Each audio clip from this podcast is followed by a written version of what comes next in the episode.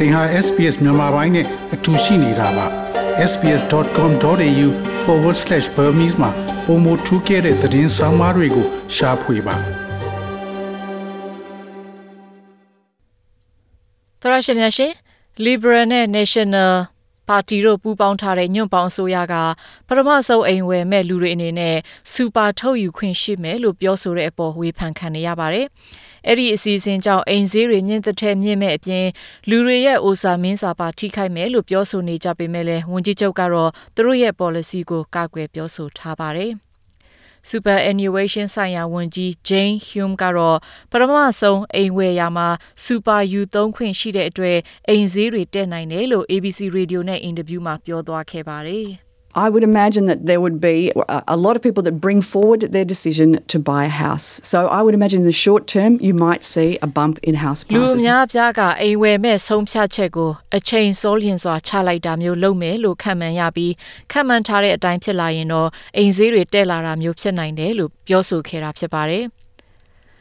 ဩစတြေးလျအစိုးရရဲ့အစည်းအဝေးအရပထမဆုံးအကြိမ်အိမ်ဝယ်မဲ့လူတွေအနေနဲ့မိမိရဲ့စူပါ40ရာခိုင်နှုန်းဒါမှမဟုတ်အများဆုံးဒေါ်လာ9000ကိုထုတ်ယူနိုင်မယ်လို့ဆိုပါတယ်။ဒါပေမဲ့အိမ်ရောက်တဲ့အခါကျရင်စူပါထဲကနေထုတ်ယူခဲ့တဲ့ငွေအပြင်အဲ့ဒီနှုန်းနဲ့အညီတက်လာတဲ့အကျိုးအမြတ်ကိုလည်းစူပါထဲကိုပြန်ထည့်ရမယ်လို့သတ်မှတ်ထားတာဖြစ်ပါတယ်။ ဒီလိုအစီအစဉ်ကအိမ်ဈေးကွက်မှာဖိအားပေးမှုဖြစ်စေမှာမဟုတ်သလိုတဲ့ကြီး Australian တွေ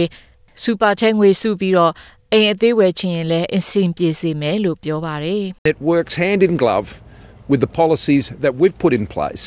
to help those at another stage in their life to downsize. Now this does two things. ဒီအစီအစဉ်ကတက်ကြီးတွေအိမ်အသေးမှာပြောင်းနေခြင်းရင်လုံနိုင်မဲ့အစီအစဉ်နဲ့သွားပြီးတော့လက်တွဲညီမှုဖြစ်စေပါတယ်။သူကနှမျိုးနှစားလှုပ်ဆောင်ပေးမှာပါ။တခုကလူတွေအိုစာမင်းစာပို့ပြီးတော့စုဆောင်စေမှာဖြစ်တယ်လို့ supply ပိုများလာအောင်လှုပ်ဆောင်ပေးနိုင်တယ်လို့ပြောပါတယ်။ အတိုက်ခံ Labor Party ကတော့တက်ကြီး Australian တွေသူတို့ရဲ့အိမ်ကြီးကိုရောင်းပြီးရတဲ့ငွေတွေထဲကဒေါ်လာ3သိန်းအထိကိုအိုစာမင်းစာအတွက်စုထားတဲ့စူပါထဲမှာထဲခွင့်ပေးမဲ့ကိစ္စကိုအားပေးပေမဲ့လည်းလူငယ်တွေပထမဆုံးအိမ်ဝယ်ဖို့အတွက်မိမိရဲ့စူပါထဲကငွေကိုထုတ်ယူပြီးဝယ်ယူနိုင်တဲ့ကိစ္စကိုတော့စီးပွားရေးအပြည့်အမောက်လုပ်ရတာဖြစ်တယ်လို့ဝေဖန်လိုက်ပါတယ်။ The Liberals can't even get their story straight on what it will mean for house prices, but the evidence is clear that this will have a diabolical impact on house prices. It will make it harder ဒီလို policy ကအိမ်ဈေးအပေါ်ဘလို့တက်ရောက်နိုင်တယ်လဲဆိုတာကိုတော့ Liberal Party ကကောင်းသိတာမဟုတ်ပါဘူး။အဲ့ဒီလိုလောက်ရကအိမ်ဈေးအပေါ်ဆိုးဝါးတဲ့တက်ရောက်မှုဖြစ်စေနိုင်ပြီးလူတွေအိမ်ဈေးကွက်ထဲဝင်ဖို့ပိုးလွယ်ကူးစေမှာမဟုတ်ပဲပိုပြီးတော့တောင်ခက်ခဲစေမှာဖြစ်တယ်လို့လူတွေရဲ့စူပါကိုပါတခါတည်းဖျက်ဆီးပစ်လိုက်တဲ့အစီအစဉ်ဖြစ်တယ်လို့ဝေဖန်ပြောဆိုခဲ့တာဖြစ်ပါတယ်။ Labor Party ခေါင်းဆောင် Anthony Albanese ကအဲ့ဒီ policy ကိုညွန့်ပေါင်းအစိုးရဖွဲ့ထဲမှာတော့မကြိုက်တာမျိုးရှိတယ်လို့ပြောပါတယ်။ Their policy that they announced yesterday has been opposed has been opposed by their own ministers in their own government မနေ့တုန်းကကြေညာလိုက်တဲ့သူတို့ရဲ့ policy ကိုသူတို့အထက်ကဝန်ကြီးတွေကိုယ်တိုင်တောင်အစိုးရကိုဆန့်ကျင်မှုလုပ်နေကြတာကြားပါပြီ Paul Fletcher ဒါမှမဟုတ် Susan Lee နဲ့တခြားလူတွေကတော့စန့်ကျင်နေကြတယ်လို့ပြောသွားခဲ့ပါတယ်။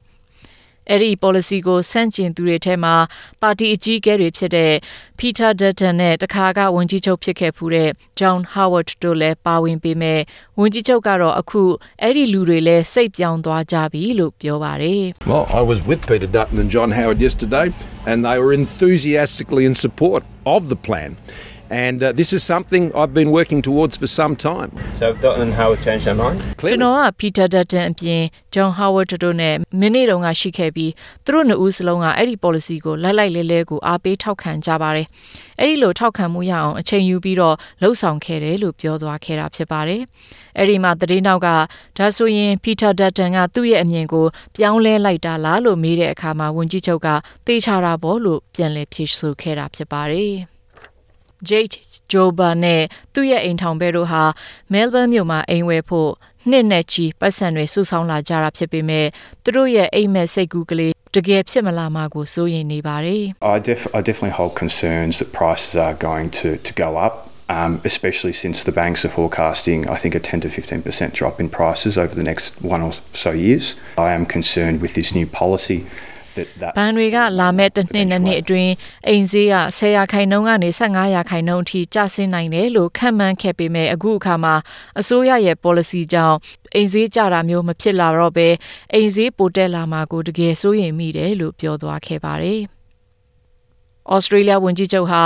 American, Britain နဲ့ Australia တို့ချုပ်ဆိုကြတဲ့လုံခြုံရေးဆိုင်ရာသဘောတူညီချက် AUKUS သဘောတူညီမှုမှာ ပါတီကြီးနှစ်ခုရဲ့သဘောတူညီမှုကိုရယူဖို့အရေးကြီးတဲ့အကြောင်းအမေရိကန်ဘက်ကပြောဆိုပေမဲ့အဲ့ဒီလိုမလှုပ်ဆောင်ခဲ့ဘူးဆိုပြီးဖိအားပေးခံနေရပါတယ်။ဝန်ကြီးချုပ်ကတော့အဲ့ဒီလိုပြောဆိုမှုတွေကိုပယ်ချလိုက်ပြီး Labor Party ဟာယုံကြည်စိတ်ချတဲ့ပါတီမဟုတ်ဘူးလို့လည်းပြောလိုက်ပါတယ်။ AUKUS is a groundbreaking agreement the most significant defence security agreement Australia has entered into in over 70 years. And I was AUKUS သဘောတူညီချက်ဟာတမူထူးခြားတဲ့သဘောတူညီချက်ဖြစ်ပြီးနှစ်ပေါင်း80အတွင်း Australia အနေနဲ့အကောင်းမွန်ဆုံးချုပ်ဆိုနိုင်ခဲ့တဲ့သဘောတူညီချက်တစ်ခုဖြစ်ပါတယ်။အဲ့ဒါကို Labor Party ကပယ်ဖြစ်အောင်လုပ်နိုင်တဲ့အတွက်အဲ့ဒီလိုအဖြစ်မခံနိုင်တဲ့အကြောင်း ပြီးရင်သတင်းတွေမှာရေးသားဖော်ပြတာတွေဟာလည်းသတင်းမှားတာဖြစ်ပြီး American ဘက်ကပါတီနှစ်ခုစလုံးရဲ့သဘောတူညီမှုကိုလိုလားတဲ့အကြောင်း